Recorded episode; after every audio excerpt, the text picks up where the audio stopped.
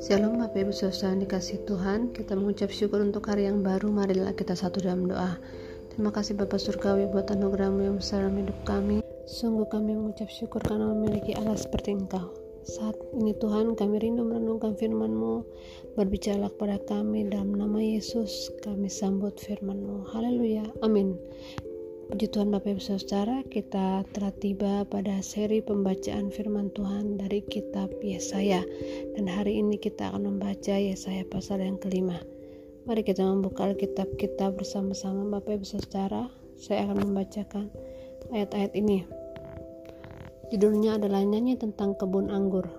Aku hendak menyanyikan nyanyian tentang kekasihku, nyanyian kekasihku tentang kebun anggurnya Kekasihku itu mempunyai kebun anggur di lereng bukit yang subur.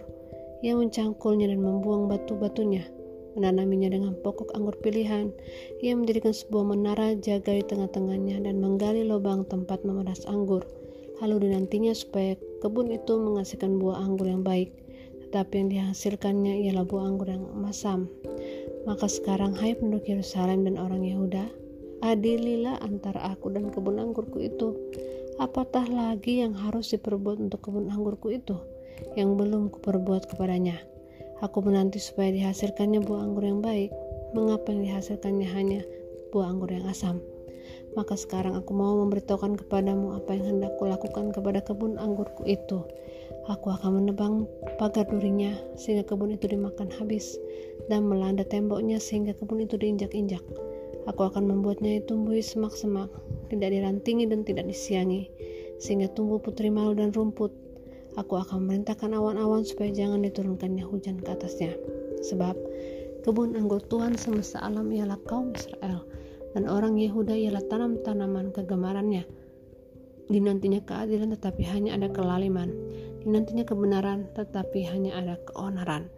Jadi Bapak Ibu Saudara dari ayat 1 sampai 7 ini ya ayat 1 sampai 6 uh, saya menyampaikan firman Tuhan melalui seperti sebuah uh, gambaran tentang kebun anggurnya Allah ya yang mana uh, Allah telah mengusahakan kebun anggur kebun anggur tersebut mencangkulinya ya membuatnya supaya subur membuang batu-batunya menggali lubang dan menanaminya dengan uh, pokok anggur yang terbaik. Tetapi hasilnya apa buah anggur yang asam. Nah, ini tidak sesuai dengan pengorbanan si pengusaha kebun anggur atau Tuhan sendiri.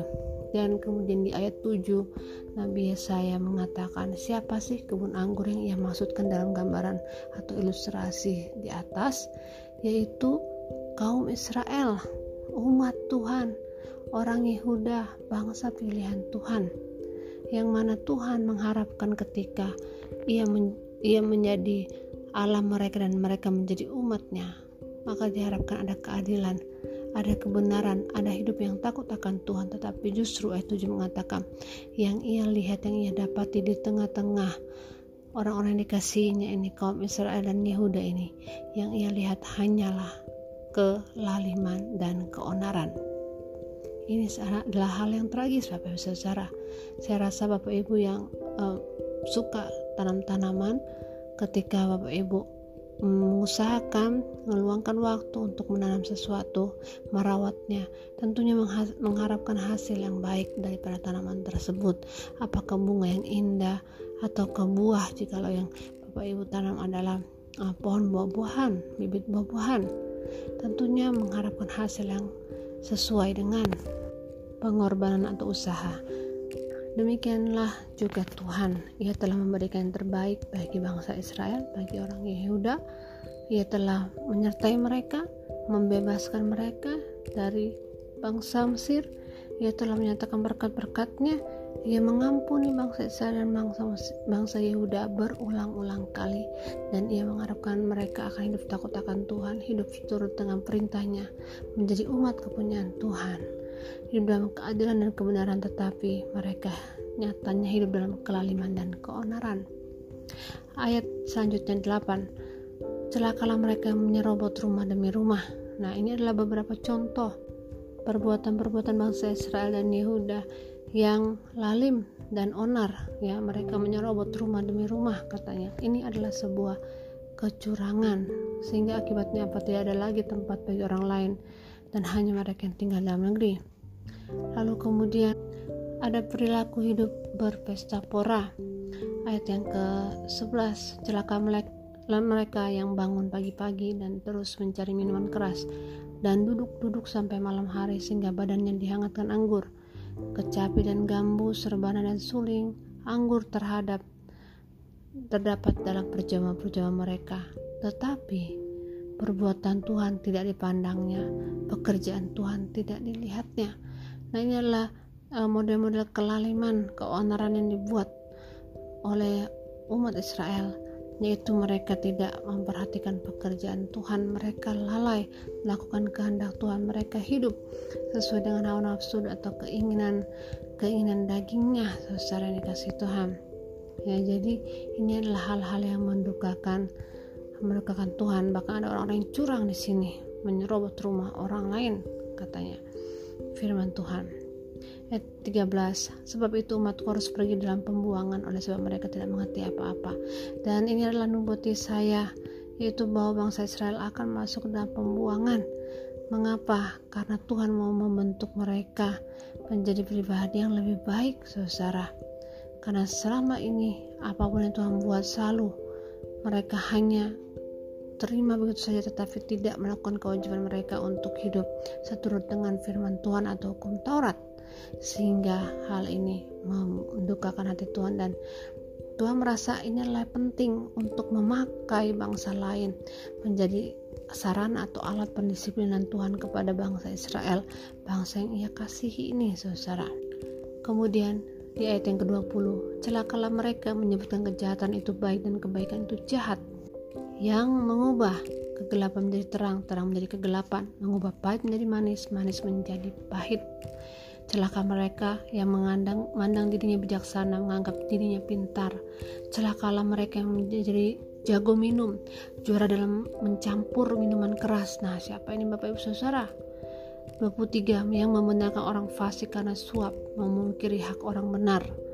Bapak Ibu Saudara ini adalah contoh-contoh kejahatan orang Israel di mata Tuhan.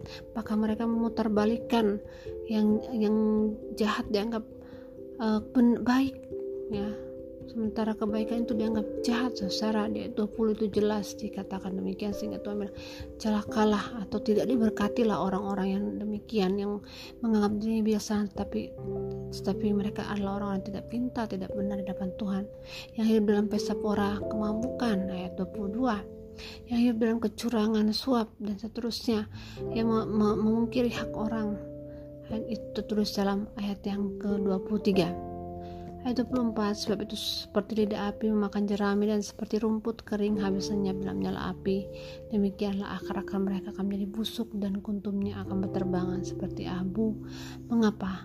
Oleh karena mereka telah menolak pengajaran Tuhan semesta alam. Bahkan mereka menista firman yang maha kudus Allah Israel. Dan akhir daripada pasal ini adalah Nabi Yesaya menyerukan nubuatan tentang bangsa asing yang akan menjadi alat murkanya Tuhan atau alat pendisiplinan Tuhan kepada bangsa Israel yang telah jauh daripadanya. Ayat 25 sebab itu bangkitlah murka Tuhan terhadap umatnya diacungkannya tangannya terhadap mereka dan dipukulnya mereka. Gunung-gunung akan gemetar mayat-mayat mereka seperti kotoran tengah jalan. Sekalipun semuanya yang terjadi murkanya belum surut dan tangannya masih teracung ia akan melambaikan panji-panji kepada bangsa yang dari jauh bersulit memanggil mereka dari ujung bumi sehingga mereka akan datang dengan segera dengan cepat. Tiada yang lelah dan tiada yang tersandung di antaranya tidak terlelap dan tidak tertidur Ayat 28 anak panahnya ditajamkan, segala busur dilentur, kuku kuda keras seperti batu api, roda keretanya seperti puting beliung, aumnya seperti singa betina. Mereka meraung dan menangkap mangsanya, membawanya lari dan tidak ada yang melepaskan. Pada hari itu mereka akan diliputi oleh suara seperti suara laut menderu. Jika orang memandang ke bumi sesungguhnya ada gelap yang menyesakan dan terang menjadi gelap oleh awan. Perhatikan Bapak secara bahwa di bagian awal kitab Yesaya ini ya oh, Yesaya beberapa kali Yesaya sebagai nabi beberapa kali menyerukan ya menyerukan kepada bangsa Israel dan bangsa Yuda, Yehuda untuk mereka bertobat. Bahkan Yesaya menyatakan ini loh perbuatan-perbuatanmu yang jahat di hadapan Tuhan. Dan bahkan Yesaya juga menubuatkan bahwa jikalau tidak ada pertobatan, jikalau tidak ada uh, tidak ada kebenaran di dalam umat Israel, maka Tuhan sudah rancangkan bahwa akan ada bangsa lain yang uh, mendisiplin mereka atau sebagai alat murka Tuhan. Mengapa? Karena bangsa Israel dan Yehuda pada masa itu sudah terlalu jauh daripada kehendak Tuhan. Mereka hidup dengan sia-sia, hidup menurut pikiran mereka masing-masing, uh, dan mereka ini adalah orang-orang yang pantas menerima murka Tuhan oleh karena mereka ini tidak hidup dengan sesuai dengan kehendaknya Tuhan. Jadi Bapak Ibu Saudara, apa yang dapat kita pelajari atau renungkan pelajari daripada kitab Yesaya pasal yang kelima ini adalah mari Bapak Ibu Saudara hargai kasih karunia Tuhan yang sudah engkau terima dalam hidupmu. Mari kita menghargai kemurahan Tuhan itu bukan dengan harta benda tetapi dengan cara hidup kita secara dengan kehendaknya secara dengan tuntunannya secara. Bila kita kiranya akan menjadi orang-orang yang terus takut akan Tuhan yang tidak lalai akan pekerjaan Tuhan yang mau hidup surut dengan firman Tuhan dan kita percaya bahwa Tuhan akan memberkati orang-orang yang senantiasa berharap kepadanya. Ada pertolongan Tuhan ada kecukupan daripada Tuhan. Selalu ada jalan keluar yang Tuhan berikan terbaik dalam situasi apa pun.